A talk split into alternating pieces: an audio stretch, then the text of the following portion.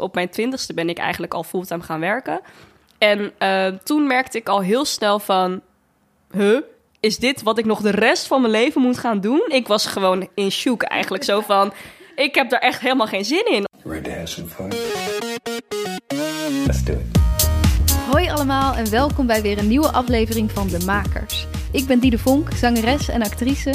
En sinds ik ook zelfstandig muziek en theater ben gaan maken, merkte ik net als veel van mijn collega-makers dat ik tegen een aantal dingen aanliep. Vragen als hoe krijg je je werk aan de man?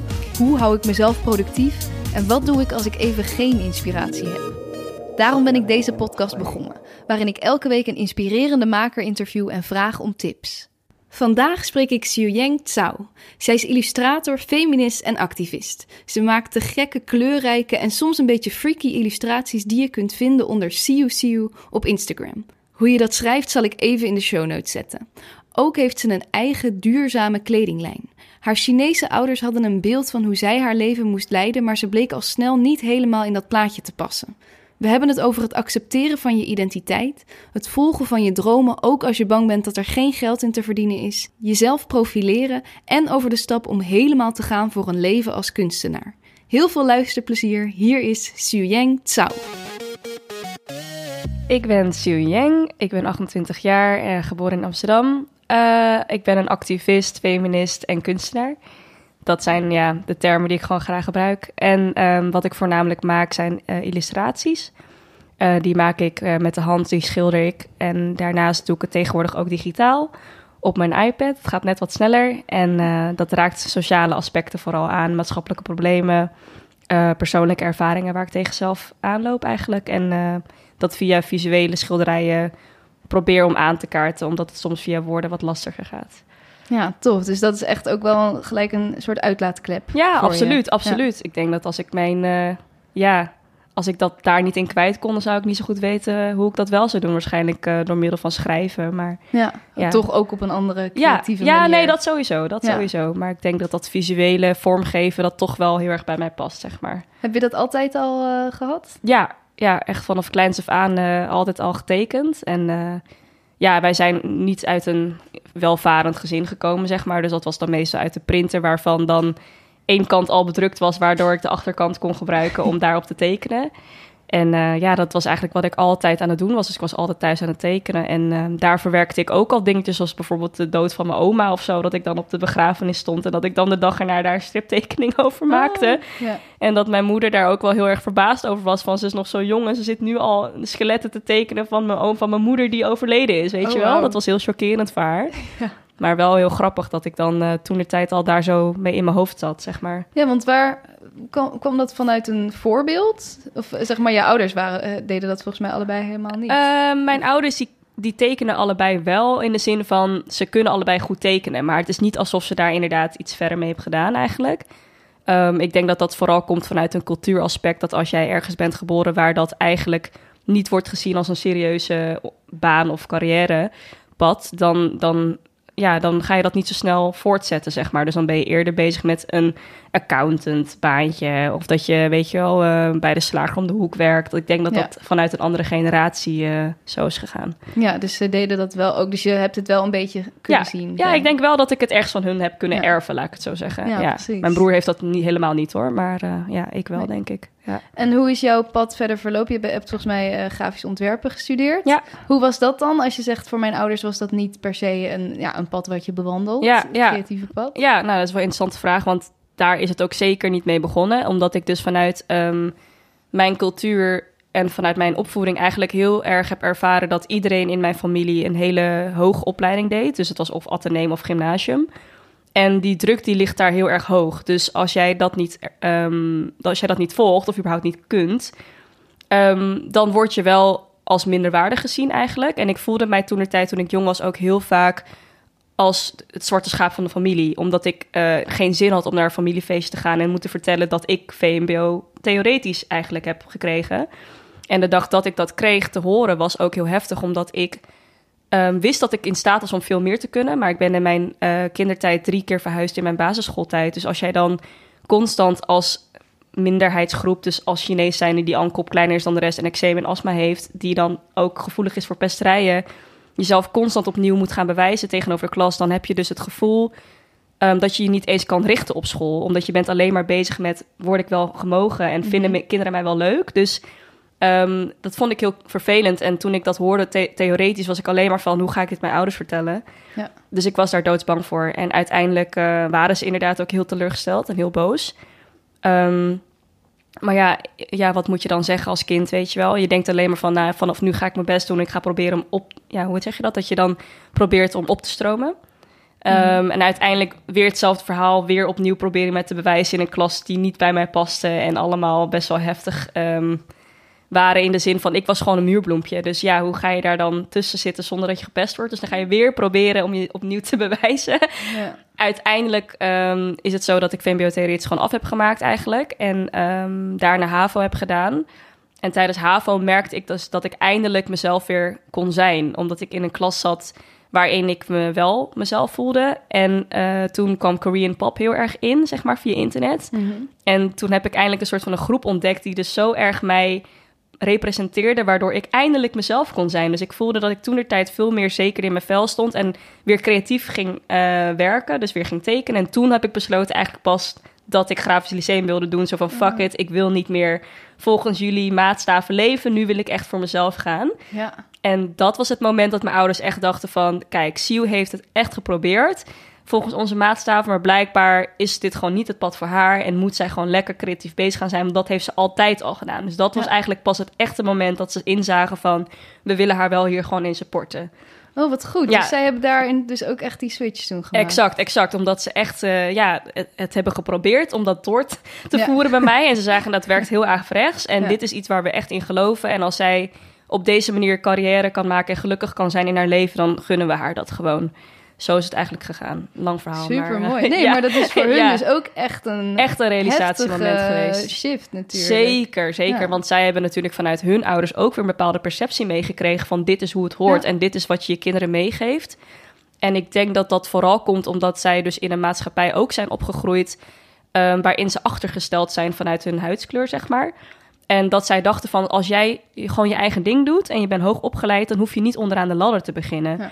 En dat begreep ik pas veel later. Hè? Dus tijdens mijn kindertijd dacht ik alleen maar van sorry dat ik niet perfect ben en bla bla bla. Mhm. Maar tegenwoordig snap ik heel goed waarom ze dat op die manier probeerden door te voeren. Alleen omdat de communicatie dus zo slecht was, hebben ze dat ook nooit goed naar mij kunnen verwoorden. Dus het enige wat ik hoorde is: waarom heb je zulke lage cijfers? Doe je het niet goed op school? In plaats van we doen het om deze redenen. Ja, we willen dat jij een, een fijne toekomst hebt. Exact, exact. Ja, Ja. precies. Ja. En dat heb ik eigenlijk zelf moeten uitvogelen. ja. Maar eh, dat hebben ze wel bevestigd toen ik het Mhm. hardop had uitgesproken. Van is dat om deze reden geweest? Dus eh, ja, Ja. ja. En des te toffer ook wel eigenlijk dat dat creatieve, dat dat zelfs om, ja, je wist eigenlijk dat hier zijn mijn ouders niet blij mee, maar toch moest dat eruit op Ja. de een of andere manier. Ja, zeker, zeker. En ehm, ik denk dat ik vanaf kleins af aan altijd al wist van ik ben anders. Maar ja, hoe ga je dat uitleggen, zeg maar, als je ziet dat om je heen eigenlijk iedereen ehm, je wel behandelt alsof je anders bent, maar je bent gewoon nog heel erg aan het zoeken eigenlijk. Je bent, ik denk dat je je hele leven een beetje aan het zoeken bent naar een bepaalde identiteit. Mhm. En al helemaal als je dus, weet je wel, in een, in een land opgroeit waarvan je ziet dat Ja. mensen er niet uitzien als jij. Dus dan Want ben je van al hele- binnen voel je misschien Ja. niet anders. Nee, precies, totaal Nee. niet. En je wordt, maar je wordt er wel constant op gewezen. En Ja. dat is eigenlijk de confrontatie die je dan aangaat. Zo van, huh, ik wist inderdaad niet dat ik anders was. Maar Mhm. ik word er wel constant op gewezen. Dus dan pas ben je er bewust van, inderdaad. Ehm, ja, dus zo is het eigenlijk wel een beetje gegaan. Ja. En Denk je dat je ouders misschien met terugwerkende kracht, nou ja, als zij al die vrijheid hadden gehad, misschien ook wel iets creatiefs waren gaan doen? Ja, Of dat, ze weet ik misschien- 100% Ja? zeker. Ja, want de, de grap is dus ook dat mijn vader dus wel in Amsterdam is geboren, ook als Chinese man, zeg maar. En eh, hij had een hele grote passie voor voetbal en theater. En dat waren ook de twee dingen waar hij ook oprecht heel erg in uitblonk, zeg maar. Eh, maar omdat mijn opa ehm, vanuit de oorlog hierheen is gekomen, had hij gewoon iets van dat. Daar ga je geen geld mee verdienen. Wat ben je nou voor een grappenmaker? Eh, en mijn vader heeft dat eigenlijk zijn hele leven lang met een wrok gedragen. En tot de dag van vandaag nog steeds met een wrok rondloopt. Van dat heeft mijn opa, dus mijn vader, ehm, niet toegelaten. Dus hij heeft er eigenlijk alles aan gedaan dat zodra hij kinderen kreeg, dat mijn broer en ik dus wel onze passies konden uitvoeren. En hij heeft daar ook wel achter gestaan. In de zin van toen ik eenmaal zei van ik wil hier iets mee doen. Toen heeft hij ook alle studies gewoon met, met harte betaald. Ook al was dat zwaar voor hem om te betalen. Omdat het gewoon wel qua, ja, het was gewoon wel prijzig. Mhm. Maar hij dacht alleen van, oké, jij krijgt die kansen wel, want die heb ik niet gekregen. Ehm, maar ik denk dat het nog wel een constante strijd is, zo van... Ze, ze willen heel graag dat ik met mijn kunst eh, geld kan verdienen, maar ze moeten nog wel leren begrijpen dat het in deze tijd überhaupt ook echt kan. Dus dat is het enige wat ze soms eng vinden. Zo Ja. van, oh, moet je dan wel die baan opzeggen om dat te gaan doen? Want oeh, ik weet niet of dat wel heel verstandig is. Precies. Ook al zouden ze het super vet vinden als het wel lukt, maar Ja. het is toch een bepaalde angst. Ja, ook inderdaad een angst om vastigheid. Ik denk dat bij heel veel ouders, dat wij veel meer een generatie zijn van ondernemen, zelf dingen Ja. opstarten. En dat onze ouders gewoon nog best wel gewend zijn met je, je hebt een baan. Sparen, en, ja, ja, en, en dan- dan heb je in ieder geval dat gecoverd. exact. En dan kan je voor een gezin zorgen en zo. Maar exact. eh, ja, dat wij nu al veel meer aan het zoeken zijn naar andere manieren. Ja. Want hoe ziet voor jou een, een, een, ja, een gemiddelde week eruit? ja, dat is eh, op dit moment eigenlijk nog dat ik drie dagen bij een eh, communicatie-PR-bureau werk eigenlijk. Als een content creative. Dus daar ben ik vooral met visuele uitingen bezig, maar ook af en toe met brainstorm sessies voor producties. ehm, maar vooral heel veel uitwerken, eh, digitaal uitwerken en grafisch van vormgeven eigenlijk. Ehm, en dat heb ik dus gedaan voor die vastigheid eigenlijk. Ja. Omdat ik dacht van heb ik in ieder geval dat ik drie dagen gecoverd ben. En eh, dan kan ik daarnaast gewoon mijn eigen ding gaan doen. Dat was eigenlijk de eerste insteek. Maar in de tijd dat ik daar nu zit, merk ik dus dat ik best wel ehm, geëvolueerd ben in mijn carrière. Dus dat ik merk dat er nu zo een wervelstorm aankomt. En dat ik voel van, wow, zelfs die drie dagen voor een andere persoon werken... is voor mij dus blijkbaar al te heavy. Omdat ik dus merk dat ik eigenlijk het liefst fulltime aan mijn kunst wil gaan zitten... en mijn activisme wil door blijven voeren. Ehm, heb ik nu besloten om daarmee te stoppen. Dus ik werk nog maar een maandje daar. En dan Oh. ga ik eh, fulltime, hoop ik, aan mijn kunst eh, zitten. En, eh, ja, spannende stap. hele spannende stap. Ja, dus vandaar dat ik ook mijn haar weer een andere kleur wil verven. Want dat hoort er dan bij, hè? Ja? nieuwe levensfase. Ja, ja, ja. zeker. Ja, uitzicht dat altijd ook op een... eh, want je hebt volgens mij best wel wat verschillende uiterlijke gehad, ja, inderdaad. ja, ja, klopt, klopt. Ja, het uitzicht altijd in visueel. Dus eh, of het nou een nieuwe tatoeage is of een nieuwe haarkleur, het moet iets visueels voor mij zijn om dat inderdaad een, een stempel te geven. Ja, Ja. dat je echt weer even een nieuwe Suyang bent. Inderdaad, inderdaad. Het voelt echt alsof Oh, ja. je een oud pakje uitdoet en een nieuwe aandoet voor een nieuwe levensfase. Ja, Ja. zo voelt het echt voor mij. Heel tof. En eh, ja, hoe, hoe kijk je uit naar die periode? Naar, ja, naar het Eh, ja, fulltime? Ja, nou ja, eh, laat ik het zo zeggen. Ik had één nooit verwacht dat ik hier zou kunnen komen. Dat, omdat voor mij was kunst maken... ehm, nou, laat ik het zo zeggen, fulltime kunstenaar zijn... Dat, dat leek heel surrealistisch voor mij een paar jaar geleden. Want ik dacht, ik ga grafisch vormgeven doen... want dat is een echte baan, tussen Mhm. haakjes. Ik wist niet dat kunstenaar zijn een echte baan was. En dat Mhm. snap ik ook wel, want... Ja, dat wordt ook niet op die manier gezien vanuit de maatschappij. Zo van, ja, maar, maar wat doe je nou echt? Zo van, Ja. waar verdien je nou echt je geld mee? Oh, maar is dat ook je werk? Ja, precies. En, en ik begin nu steeds meer te realiseren dat het gewoon hartstikke kan. Mhm. Maar ehm, ja, ik heb er eigenlijk heel veel zin in. Omdat ik ook dus bij het Volkshotel een atelier nu heb kunnen regelen. En eh, daar ben ik toevallig ook in december, in die hele maand dat ik dus voor het eerst vrij ga zijn, krijg ik ook de sleutel. Dus dat is echt super. En dan Ah, kan ik me ook gewoon Ja, gelijk daarin focussen. ja er echt in. Exact. En dan wil ik ook heel graag in januari mijn eerste solo-expositie hebben. Omdat ik denk, Super snel. ja, omdat ik alleen maar denk van, ik ben hier klaar voor. Ik heb al zoveel werk liggen en ik wil eindelijk een solo-expositie doen en mezelf op de kaart brengen. En Ja. ehm, ik heb heel december daarvoor om dat voor te bereiden. Dus waarom zou ik dat niet doen, weet je wel? Dus eh, ja. En kan je dat ook daar doen bij het Volkshotel? Nou, dat Of- weet ik dus nog niet. Dus ik moet daar nog even in gaan eh, duiken. Maar ik heb al wel ehm, ja, wat netwerkdingetjes staan... dat ik in ieder geval kan vragen hoe en wat. Want hier in de pijp heb je ook eh, Galerie Fleur en Wouter. Oh, ken ik helemaal niet. Oh, nou ja, dat is Oh, best wel een, eh, een... Ja, dat is een- eigenlijk een atelierruimte voor jonge kunstenaars... die eigenlijk, ehm, ja, eigenlijk ook dingen naast hun eh, carrière... bijvoorbeeld vrij werk maken... en dat dan heel Mhm. graag willen exposen... in plaats van dat ze dus alleen maar commercieel werk maken... Ja. eh, kunnen ze dat dus eigenlijk daar kwijt. Oh, maar ik tof. moet nog wel in, met, met ze in gesprek hoor. Dus als jullie nu luisteren, dan weten jullie dat alvast. maar Nee, maar het is sowieso ook misschien voor andere makers een toffe plek. eh, inderdaad, om te inderdaad. weten. ja, zeker, zeker. Die bestaan echt. Ja, dat is echt heel leuk. Ja.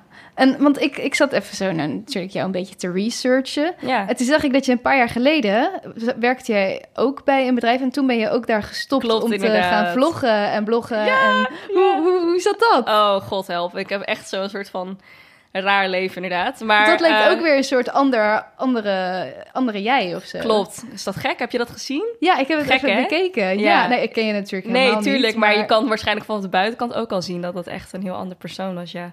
Ehm, ja, dat was inderdaad... En niks ten nadele nee, daarvan, hoor. Nee, nee, nee, nee, nee, zeker niet. Ehm, het was gewoon heel grappig, omdat ik dus volgens mij, net als veel vele anderen, eh, een pad bewandelen van wat je meekrijgt, hoe het hoort. Dus Mhm. je gaat naar school toe en daar heb je een studie. De, na je studie ga je werken, loop je stage en dan heb je je echte baan. Ja. En dat is bij mij al gebeurd toen ik 20 jaar was. Want op 20 jaar was ik al klaar van school. Nou ja. En dat is best wel vroeg voor, Mhm, voor heel. vergeleken met veel mensen. Dus op mijn twintigste ben ik eigenlijk al fulltime gaan werken. En eh, toen merkte ik al heel snel van... Huh? Is dit wat ik nog de rest van mijn leven moet gaan doen? Ik was gewoon in shock eigenlijk. Zo van, ik heb daar echt helemaal geen zin in om dat op die manier te doen. En ook het geld wat ik toen de tijd kreeg als je net van school komt... was natuurlijk zo intens laag. Want je vecht gewoon, je, ja, je bokst constant tegen zoveel Ja. mensen op die die baan ook willen. En misschien wel beter zijn dan jij of het voor Mhm. minder willen doen. Dus ja, ik voelde me op zo'n moment gewoon echt dat ik dacht van, ik zie dat echt niet zitten. En eh, toen heb ik dat wel wat jaartjes volgehouden, want ik ben wel verschillende banen gaan doen uiteindelijk. En toen kwam ik er gewoon heel erg achter van, wow, al die tijd die ik hier insteek en wat ik er eigenlijk financieel voor terugkrijg, is zo weinig dat ik niet, dat ik hier niet mijn hele leven mee vast wil blijven zitten, laat ik het zo zeggen. Ik vond dat dat, dat pad gewoon te lang duurde. Ja. En ik ben sowieso heel ongeduldig, dus dat ging gewoon niet samen. En dat ik toen de tijd dus bij Riverdale, wat jij bedoelde, Mhm. eh, die woonafzware bedrijf, erachter kwam van wat ben ik hier in hemelsnaam aan het doen? En dat grafisch vormgeving, ge- ja, vormgeving ook eigenlijk helemaal niet zo leuk. En voor wie doe ik dat nou eigenlijk? En dat ik daar dan zat en dat ik dan een meubel aan het vormgeven was... wat dan in China werd gemaakt. En dan kwam dat terug en dan plakte ze een label erop... en toen was het ineens 600 euro Oh, waard. Ja, ja. ik vond dat gewoon heel raar. Ja. En dat ik toen steeds meer besefte hoe de wereld eigenlijk in elkaar st- stak eigenlijk. En ik voelde aan mijn hele... Ja, mijn hele lichaam voelde ik van, dit voelt niet oprecht. En, en als ik ergens niet tegen kan, is het wel onrecht, zeg maar. Dus op dat moment voelde het voor mij van, ik wil hier helemaal mee kappen. En ik wil een boek gaan schrijven. Nou, heel, heel raar hoor. Maar echt dat ik dacht, oh mijn god, ik heb nu zoveel kennis en wijsheden. Ik moet het allemaal met de Ook wereld over delen. dat onderwerp. Ja, over, Ah. over dat ik dus vond dat we in ons leven een bepaalde mindset hebben meegekregen. En dat heel veel mensen dus daar zich ook aan vastklampen. Zo van, ik kan dit niet. En het heeft mijn hele leven wordt ik verteld dat ik iets niet kan. En dat je op een gegeven moment dat ook gaat geloven. Waardoor je dus heel veel stappen niet durft te Ja. nemen. Omdat je dus bang bent dat, dat het gaat falen. Of dat je Mhm. het niet kan. Ja. En dat ik eigenlijk vanuit dat hele jaren ervaring dat ik een beetje ging werken, merkte van. Wow, ik ben eigenlijk mijn hele leven lang zo erg klein gemaakt door zoveel verschillende mensen. Of het nou mijn ouders waren, of mijn leraren, of mijn partners, of mijn vrienden zelfs, weet je wel. Die misschien ook wel zeggen, oh, dat kan, dat kan toch niet? Mhm. En dat ik toen realiseerde van, maar dat is allemaal in je hoofd, weet je wel. Als je constant jezelf angst gaat aanspreken... en als andere mensen jou vertellen dat je iets niet kan doen... dan betekent het niet dat je het niet kan doen... maar dan Nee. is het misschien hun eigen perceptie dat zij dat niet zouden Ja, kunnen. eigen En- angst. ja. Exact, en dat ze dat dan op jou projecteren. En dat Ja. is mij toenertijd steeds duidelijker geworden. En vanaf dat moment was ik heel erg van... oh nee, ik ga echt niet meer fulltime werken... en laat maar zitten. En dat ik toen de tijd eigenlijk heel abrupt heb besloten... van ik kap er gewoon helemaal mee... Maar ja, je weet wel, idealistisch gezien was dat natuurlijk helemaal niet slim. En eh, eindstand moest ik toch weer mijn brood verdienen. Dus ja, dat, dat... En toen ben ik eigenlijk gaan freelancen uiteindelijk. Ja, ja. En eh, ja, dat was ook niet altijd even makkelijk. En in het begin vooral, eh, als je daar instapt, dan denk je... oh, leuk freelancen. En het, in het begin liep het heel goed. Maar op een gegeven moment moet je jezelf ineens gaan verkopen... en Mhm. profileren, klanten opbouwen. Ja, dat was voor mij wel heel erg zwaar. En ehm, Echt wel als grafisch ontwerper. ja, omdat Ja. dat eigenlijk wel het enige was wat ik echt kon, zeg Mhm. maar. Op dat moment dacht ik in ieder geval. En toen ben ik naar Amsterdam verhuisd, ehm, vanuit Rotterdam dus. En toen merkte ik al van, eh, ja, oké, ehm, misschien is het wel handig als ik toch weer even eh, drie dagen of zo bij een bedrijf ga werken. Mhm. En dat ik daarnaast dan even kan uitzoeken wat, wat ik wel of niet wil. Ehm, en zo is het dus eigenlijk gegaan dat ik uiteindelijk toch weer bij kunst terecht ben gekomen. Ehm, en dat nu dan twee jaartjes weer heb opgepakt eigenlijk. En zie dat dat dus voor mij ehm, heel organisch gaat. Dat ik denk van wow, dat ik dit zo lang heb laten liggen, dat is echt bizar. Ja. Omdat ik dus zoveel werkte als grafisch vormgever, had ik gewoon geen energie meer om dat thuis op te pakken. Mhm. En nu ik meer ruimte in mijn leven heb, merk ik dus dat de dingen waar ik passies voor heb, eh, nooit meer mag laten liggen eigenlijk. Want blijkbaar is dat iets wat bij mij hoort en waar ik dus wel geld mee kan verdienen. Dus zo is het gegaan. Het heeft echt lang geduurd om dat eh, ja, tuurlijk. traject te volgen. Ja. Maar wel super mooie inzichten sowieso. En misschien blijft dat, denk ik, vaak toch ook weer een, een balans zoeken of zo. En Absoluut. misschien kom je er uiteindelijk weer achter dat je het toch wel fijn vindt om wel één dag in de week nog Absoluut. En dan Of- is het oké, want dan Ja. ga je er met zo'n andere insteek in. Terwijl Ja. toen ik zeg maar vroeger werkte, was het met de insteek van dit is hoe het leven is. Ja. En zo zal ik gelukkig zijn. Dan zal ik zo meteen een partner krijgen en kinderen en dat is het dan. Mhm. Dat was mijn insteek toen tijd. Maar nu is die insteek zo veranderd. Ja, Ehm, en ben ik daardoor ook veel meer zekerder geworden van waartoe ik in staat ben. En daardoor ook minder angst met me meedraag. Ehm, omdat ik nu eigenlijk steeds meer besef waartoe ik wel in staat ben eigenlijk. Terwijl Ja. daarvoor dacht ik alleen maar... oh nee, wat heeft het nou voor zin? De wereld heeft echt niet nog een kunstenaar nodig, weet je wel? Mhm. Dat is alleen maar Ja. wat ik dacht. Omdat ehm, door middel van social media natuurlijk zoveel te zien is. Dus je denkt alleen maar van, er bestaat al zoveel. Dus wat heeft het Ja. nou voor zin dat ik erbij kom? En ben ik wel even goed, weet je wel? tuurlijk. Terwijl, daar gaat het toch helemaal niet om. Dat je even goed bent of minder goed of beter bent. Ja, Helemaal niet. Nee. Nee. Maar hoe kwam voor jou dat inzicht dan? Dat je toch dacht, ja, nee, maar ik, eh, ik, ik wil dat wel proberen en ik wil me wel weer daarop gaan richten. ja dat was eigenlijk ook wel heel gra- grappig gegaan. Ehm, ik was dus naar Amsterdam gegaan om überhaupt in eerste instantie eigenlijk te gaan freelancen in grafisch vormgeven. Ehm, ik was toen de tijd dus single, ehm, omdat ik mijn hele leven lang eigenlijk door mijn relatiepartners ook een beetje heb laten vastigen. Dus ik ben toen uiteindelijk in Rotterdam gaan wonen, terwijl ik wilde daar niet eens wonen, maar dat is gewoon zo gegaan. En En dat je dacht, ik moet bij ik moet bij mijn partner blijven. En eh, toen ik in Amsterdam kwam wonen, ben ik echt voor mezelf gegaan. En dacht ik alleen maar van, ik ga niet meer rekening houden met wat andere mensen willen. Ik ga nu echt voor mezelf. Maar ja, uiteindelijk dus toch wel Tinder gedownload en mijn eh, huidige vriend ontmoet. En hij was dus eigenlijk precies hetzelfde als in... Hij werkte ook al jaren fulltime. Eh, en toen ik bij hem voor het eerst thuis kwam, had hij dus een hele kamer vol met kunstwerken liggen die hij had gemaakt. Oh. Waarvan ik niet eens afwist dat hij dat deed. Dus ik was Ah. echt van, wat is dit? Hoe kan dat? En ik was echt zo, wat, waarom doe je hier niet iets mee? Dat kan echt niet. Zo zonde van je talenten. En dat hij toen heel hard moest lachen. En dat zei, dat heb jij toch precies hetzelfde? en dat ik toen dacht van, wow. Ja. Wow, Wij- wat bizar. Wow, wat bizar, ja. En dat ik toen echt zei van, dit moeten we echt allebei weer gaan oppakken. Ja. En ik kon hem niet de les gaan lezen, omdat ik was het ook niet aan het doen. En eigenlijk is dat de eerste stap geweest. Dat ik toen weer ging tekenen, omdat ik dacht van, dat inspireert hem ook. Ja. En op die manier kunnen we er iets mee gaan doen. En hoe, hoe kan dat, denk je, dat je dat bij hem meteen zag? Van, wow, je hebt zoveel talent en je doet er eh, Ja, niks mee. ja. Maar dat het bij jezelf dus Ja. blijkbaar niet... Nee, en ik denk dat dat heel erg mens eigen is. Dat mensen eigen is het heel makkelijk om over andere mensen ja, de, de mooie kanten te zien en iemand echt te zien voor wie ze zijn en de waarde daarin te schatten. Maar voor jezelf is het toch altijd lastiger. Mhm. Weet je wel, hetzelfde dat wanneer je eh, weet dat je mm, tegen bepaalde dingen aanloopt, is het gewoon veel moeilijker om jezelf daarmee te confronteren dan dat je een ander Ja. ja, probeert advies te geven. Ja. Eh, en dat was bij ons precies hetzelfde verhaal eigenlijk. Mhm. Ja, maar elke keer als ik dus iets uitsprak tegenover hem of tegen mijn vrienden of wat dan ook, realiseerde ik ook me van, wow, dat moet ik eigenlijk ook tegen mezelf zeggen, weet ja, je wel? tegen wie heb ik het nu? Ja, exact. Je spreekt iets uit, maar eigenlijk heb je het gewoon tegen jezelf. Ja. En dat, dat realiseerde ik me ook bijvoorbeeld over irritaties. Want soms heb je bijvoorbeeld ook irritaties jegens andere mensen.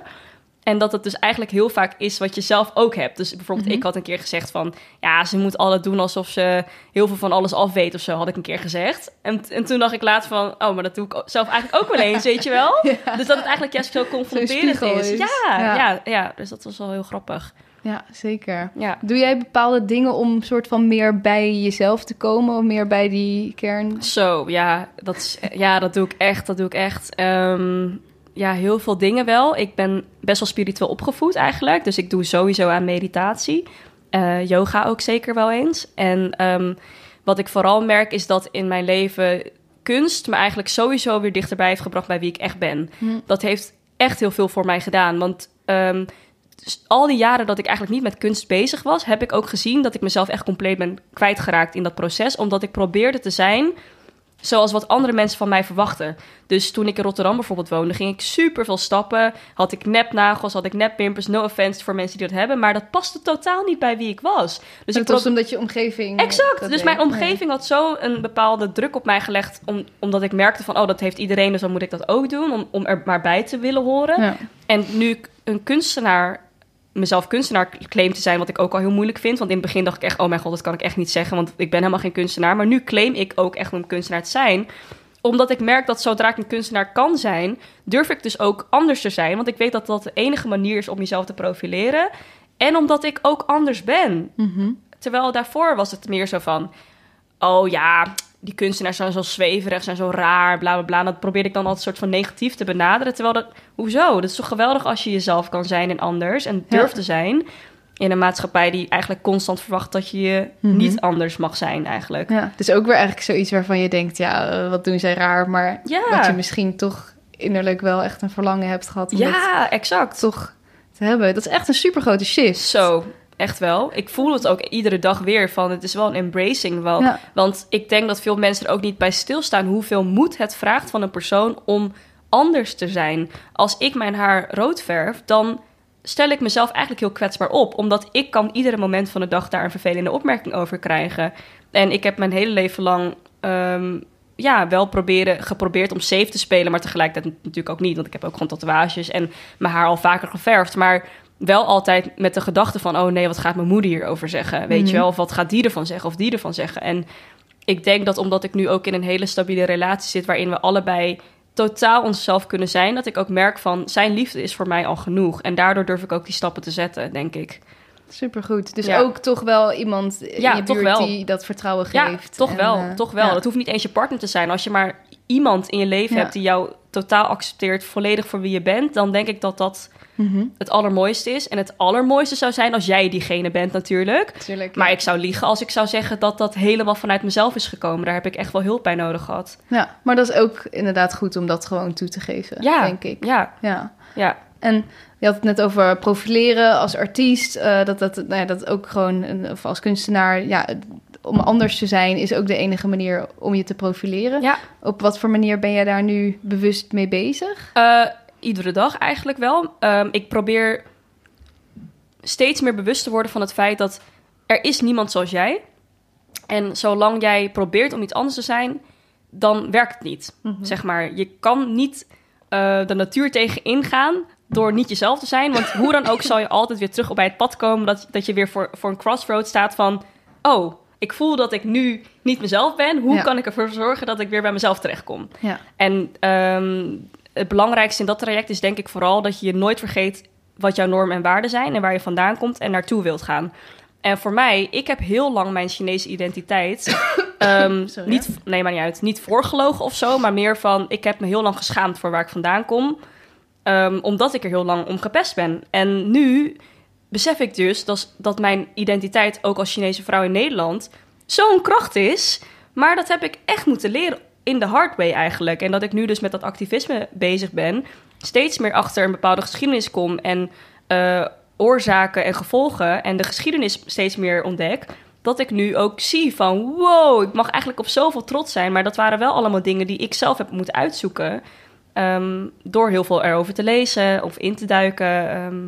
dus ik denk dat dat het vooral is dat je, als je niet weet wie je bent, ehm, dan is het ook heel moeilijk om daar stevig in je schoenen mee te staan, laat ik het zo zeggen. Ja. Dus ik ben wel nog steeds ook echt iedere dag bezig om nog meer te weten over mijn voorouders bijvoorbeeld. Of over mijn eigen ouders, waar ik dus vroeger nooit mee kon communiceren. Probeer ik het nu gewoon te forceren.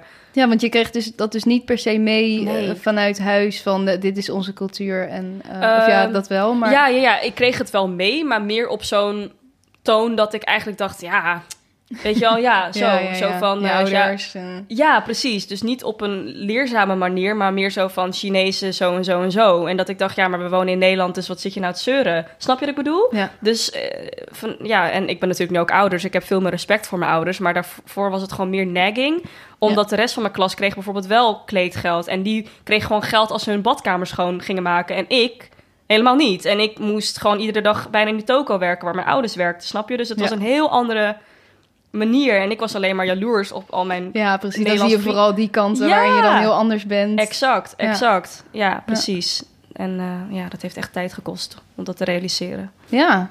ja, dat kan ik me heel goed voorstellen. Ja. En eh, nu ga je dus eh, zometeen eh, vanaf december, zei je? Ja, ja, ja, helemaal voor jezelf werken. Ja. Hoe, hoe gaat dat eruit zien? Wat, wat, ja. Oeh, ik denk dat ik daar echt wel minimaal vijf dagen in een ateliertje wil zitten eigenlijk. Ja? En ja, absoluut. En ehm, ja, ik ga natuurlijk ook veel inspiratie op doen. Dus ga ik ook lekker door Nederland misschien wel musea bezoeken en ateliertjes bekijken. Gewoon dingen waar ik nu te weinig tijd voor maak eigenlijk. En ehm, ja, ja, vooral, en ook veel samenwerkingen aangaan. En, Oh, eh, tof. ja, dat ik, eh, dat, want je raakt natuurlijk super geïnspireerd van andere makers inderdaad. En nu ik in dat wereldje ben beland, is het ook zoveel makkelijker om ze te zoeken. Omdat nu Ja. weet ik wie ze zijn. En ik ja, ontdek natuurlijk iedere dag weer nieuwe mensen. Ehm, en dat is ook heel leuk, want dan kan je daar ook een beetje je struggles mee delen, zeg maar. Of waar je tegenaan loopt. Omdat, ja, kunstenaar zijn is nou eenmaal een moeilijke term. En heel veel mensen snappen het inderdaad ook echt niet. Nee. En ik denk ook dat het bijna niet te snappen valt als je daar zelf helemaal niet in zit. Dat is niet raar, maar het geeft wel heel veel eh, kracht en acceptatie en compassie naar jezelf toe als je dus mensen ontdekt die hetzelfde hebben eigenlijk. Ja. En hoe, waar kwam die ontdekking? Is dat vooral voor jou via social media? Ja, ja, wow, social media heeft echt heel veel voor mij gedaan. Want vroeger was ik eigenlijk best wel eh, ja, negatief over social media omdat ik gewoon in mijn eigen leven heb gezien wat dat met mij heeft gedaan toen ik dus nog in Rotterdam woonde. En hoe onzeker mij dat maakt als, als vrouw zijnde. Dat ik, ja, je weet hoe internet werkt. Het is gewoon eh, allemaal bepaalde schoonheidsidealen die eigenlijk niet evenaren vallen. Of via plastische chirurgie of Ja. loads of make-up eh, te bereiken valt. En dat je op een gegeven moment echt denkt van... oh, misschien moet ik inderdaad wel grotere lippen... of misschien moet ik inderdaad wel...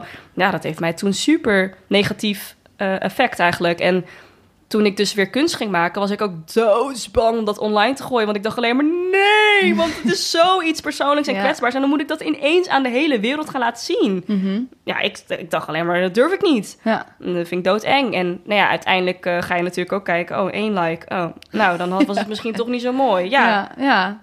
Terwijl, wat, waar gaat het over? Daar gaat het toch Mhm. helemaal niet om. Maar ja, dat is wel heel confronterend af Ja, en als je daar dan toch ook je validatie uithaalt Ja, als kunstenaar. Precies. Dat is natuurlijk ook niet de bedoeling. Super eng, Ja. super eng. En daarom is het alleen maar fijn dat je dus op die manier ook weer andere kunstenaars kan ontdekken. Want die snappen waar je doorheen gaat. Dus die supporten je hoe dan ook, weet je wel. Mhm. Ja, tenzij je mensen hebt die het als een concurrentiestrijd zien. Maar dat heb ik helemaal niet. Ik Oh, denk, gelukkig. nee, ik denk alleen maar, yo, we gaan toch allemaal door hetzelfde heen. En, Ja.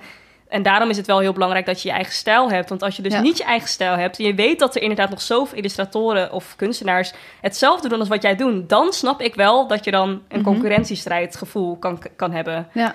Ik ken inderdaad, maar dat kan ook aan mij liggen, niet zoveel mensen met jouw stijl. Nee, Hoe, nee. hoe, hoe- hoe- ja, sinds wanneer heb je die stijl eigenlijk? hoe is dat Eh, ontwikkeld? Ja, dat, dat is dus wel heel gek, want dat was echt vanaf dag één al. Dat, dat snap ik ook niet hoor. Ik weet niet, ik, dat is, ik weet niet of dat geluk is of dat dat gewoon in me zit. Maar dat was wel vanaf de eerste tekening al bepaald. Dat ik eigenlijk een meisje tekende met een pony. En dat is dat mijn statement meisje eigenlijk. En eh, die represent ook hoe ik er vroeger uitzag. Want ik had altijd een pony en de boblijntje. Ehm, en ik heb daar wel heel bewust voor gekozen, omdat ik kan niet iets maken wat niet vanuit mezelf komt. Dus alles wat ik maak moet een ervaring zijn geweest die ik zelf heb ervaren, zodat ik mijn hele hart en ziel in dat werk kan stoppen. Want als ik dan bijvoorbeeld jouw verhaal probeer te vertellen, dan werkt het niet. Dan werkt het gewoon niet voor mij. Mhm. Ehm, dus ik denk dat het vanuit daar is gekomen dat die stijl is ontwikkeld, omdat ik eigenlijk altijd kijk naar wat ik heel vet vind en op Ja. die manier dan ook creëer. Dus daarom geeft misschien dat grafisch ontwerpen voor anderen ook niet per se voldoening. Exact. Omdat je dus ja, daarin minder je eigen verhaal kwijt kan. Totaal. Je bent zo, altijd zo vast aan bepaalde guidelines. Je kan nooit creatief je ding doen. Ja. Maar wat ik wel merk is dat ik wel mijn ehm, vrije werk nu ook veel meer grafisch benader. Dus het werk, de illustraties die ik maak zijn tegelijkertijd ook heel grafisch.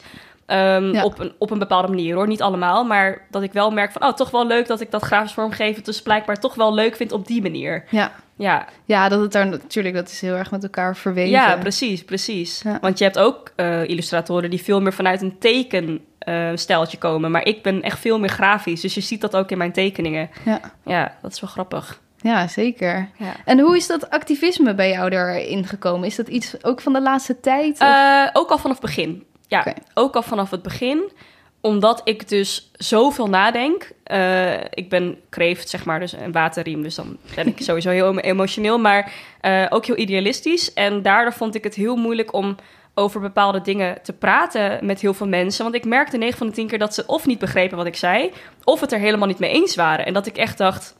ben ik nou echt de enige die er zo in staat? En toen ik ben gaan tekenen, was dat eigenlijk puur omdat ik dan alles in mijn hoofd, zeg maar die chaos, dan Mhm. even kwijt kon. Dus het was niet eens van, oh, ik wil dit tekenen, want ik wil hier een gesprek over laten beginnen. Maar het was meer dat ik oprecht dat nodig had. zelf. Ja, om dat kwijt te kunnen. En toen ik dat eenmaal online gooide, met captions erbij waarom ik bepaalde dingen had getekend, toen merkte ik dus dat er heel veel mensen waren die ze- hetzelfde erover dachten. Ehm, en daardoor ook ik het gesprek op gang kon brengen. Omdat het wel onderwerpen zijn, 9 van de 10 keer, die best wel zwaar zijn en ehm, waar mensen liever niet over praten. Ja. Ja, ja. Mhm. dus dat is eh, Ja, dus dat is echt ook vanuit het tekenen Ja. gekomen. zeker. En waar we het ook nog helemaal niet over gehad hebben, maar je hebt ook een eigen kledinglijn. Ja, ja, ja, klopt inderdaad. Hoe, Ja. hoe zit dat? ja, dat is eigenlijk ook vanuit een bepaald activisme misschien begonnen. Ehm, ik ben toen vanuit Rotterdam dus naar Amsterdam verhuisd. En eh, waar, wat mij opviel, is dat veel mensen van mijn leeftijd, dus millennials vooral, ehm struggelden met mental health problems. En eh, ik heb zelf in Rotterdam dus ook therapie gehad. Eh, vanwege dus mijn cultuur en vanwege dingen waar ik tegenaan liep en karaktereigenschappen waar ik niet zo tevreden over was, eh, die mij aangeleerd waren. Ehm, dus ik ben daar heel bewust mee bezig. En ik merk het ook heel snel bij een ander wanneer iemand ergens tegenaan loopt en er eigenlijk zelf nog niet klaar voor is om over te praten. Ja. Omdat ik heb het zelf meegemaakt. Dus ik herken dat bij een ander. Ehm, en toen ik dus in Amsterdam woonde, toen heb ik heel veel jongeren zichzelf voorbij zien rennen.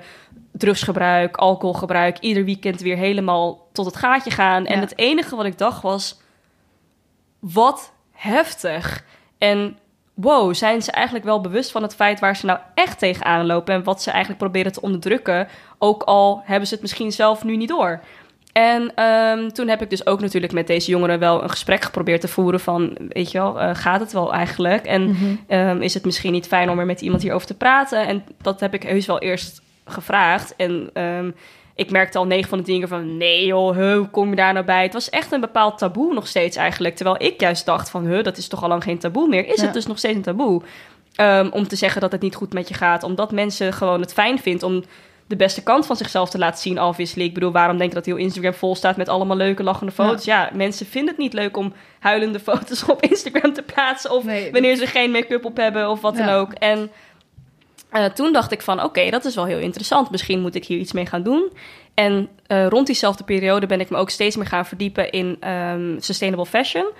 Eh, en toen kwam ik er dus eigenlijk heel erg achter van... oké, eh, fast fashion is ook iets wat heel erg onder de jongeren speelt. Want we willen ieder, ieder weekend er weer leuk uitzien en nieuwe kleren hebben... maar we hebben ook niet zoveel geld om dat Ja. allemaal uit te geven. Maar we willen wel zoveel mogelijk verschillende kleren hebben. Mhm. Dus toen dacht ik van, oh, hoe vet is het als ik deze twee dingen samen kan voegen in een kledinglijn, wat dus eigenlijk inderdaad eh, circulair is. Dus dat jij een t-shirtje hebt die, ehm, waar geen merk op staat, maar die eigenlijk nog te goed is om weg te doen. Mhm. En dat je die dus eigenlijk kan laten bedrukken met de Sickets eh, print. En daardoor weer waarde kan geven aan jouw t-shirt die je eigenlijk wilde weggooien. Ah, dus het is eh, dat ook mensen kleding die ze al hebben... kunnen geven. Ja, Ah, ja. en dat is oké. dan ook. Eh, die, die prijs probeer ik dan lager te houden dan wanneer je het nieuw koopt. Omdat ik dus vind Mhm. dat dat gesupport moet worden. Ja. Ehm, maar heel veel mensen die hebben of geen tijd of geen zin. Of die hebben überhaupt geen eh, blanco kleding thuis.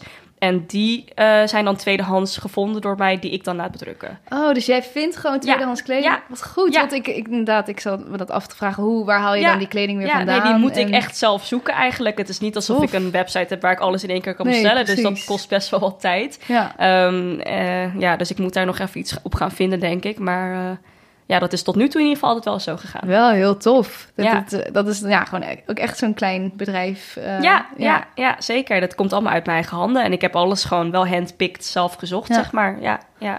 Cool. En daar heb ik dan wel natuurlijk zelf dan een labeltje in gemaakt, zodat het net wat meer vorm krijgt. En eh, ja, dat wel allemaal. Cool. Ja. ja. als ik jou zo hoor, volgens mij heb je superveel ideeën en Ja. heel veel, Ja, heel zeker. veel creativiteit. En het kan daar volgens mij ook, dat, dat, dat heb ik soms ook een beetje, dat het zo alle kanten op kan gaan. Klopt. Inderdaad, in kleding, in kunst, in activisme. Ehm, heb je soms het gevoel dat je daarin moet gaan kiezen? Of- Ehm, nee. nee, je doet nee, ook het is allemaal. Ja, ik, Ja. omdat ik, eh, wat, waar ik wel in moet kiezen, eh, waar ik dus tegenaan liep met het activisme bijvoorbeeld, dat heel veel mensen ook zeiden van, maar je strijdt wel voor heel veel. En dat is soms, maar dat is soms wel verwarrend. En dat ik zei van, snap ik, maar als je erbij stilstaat, is alles in elkaar verweven. Bijvoorbeeld, weet je wel, sustainability is verwe- verweven met veganisme, veganisme is, staat in lijn met feminisme.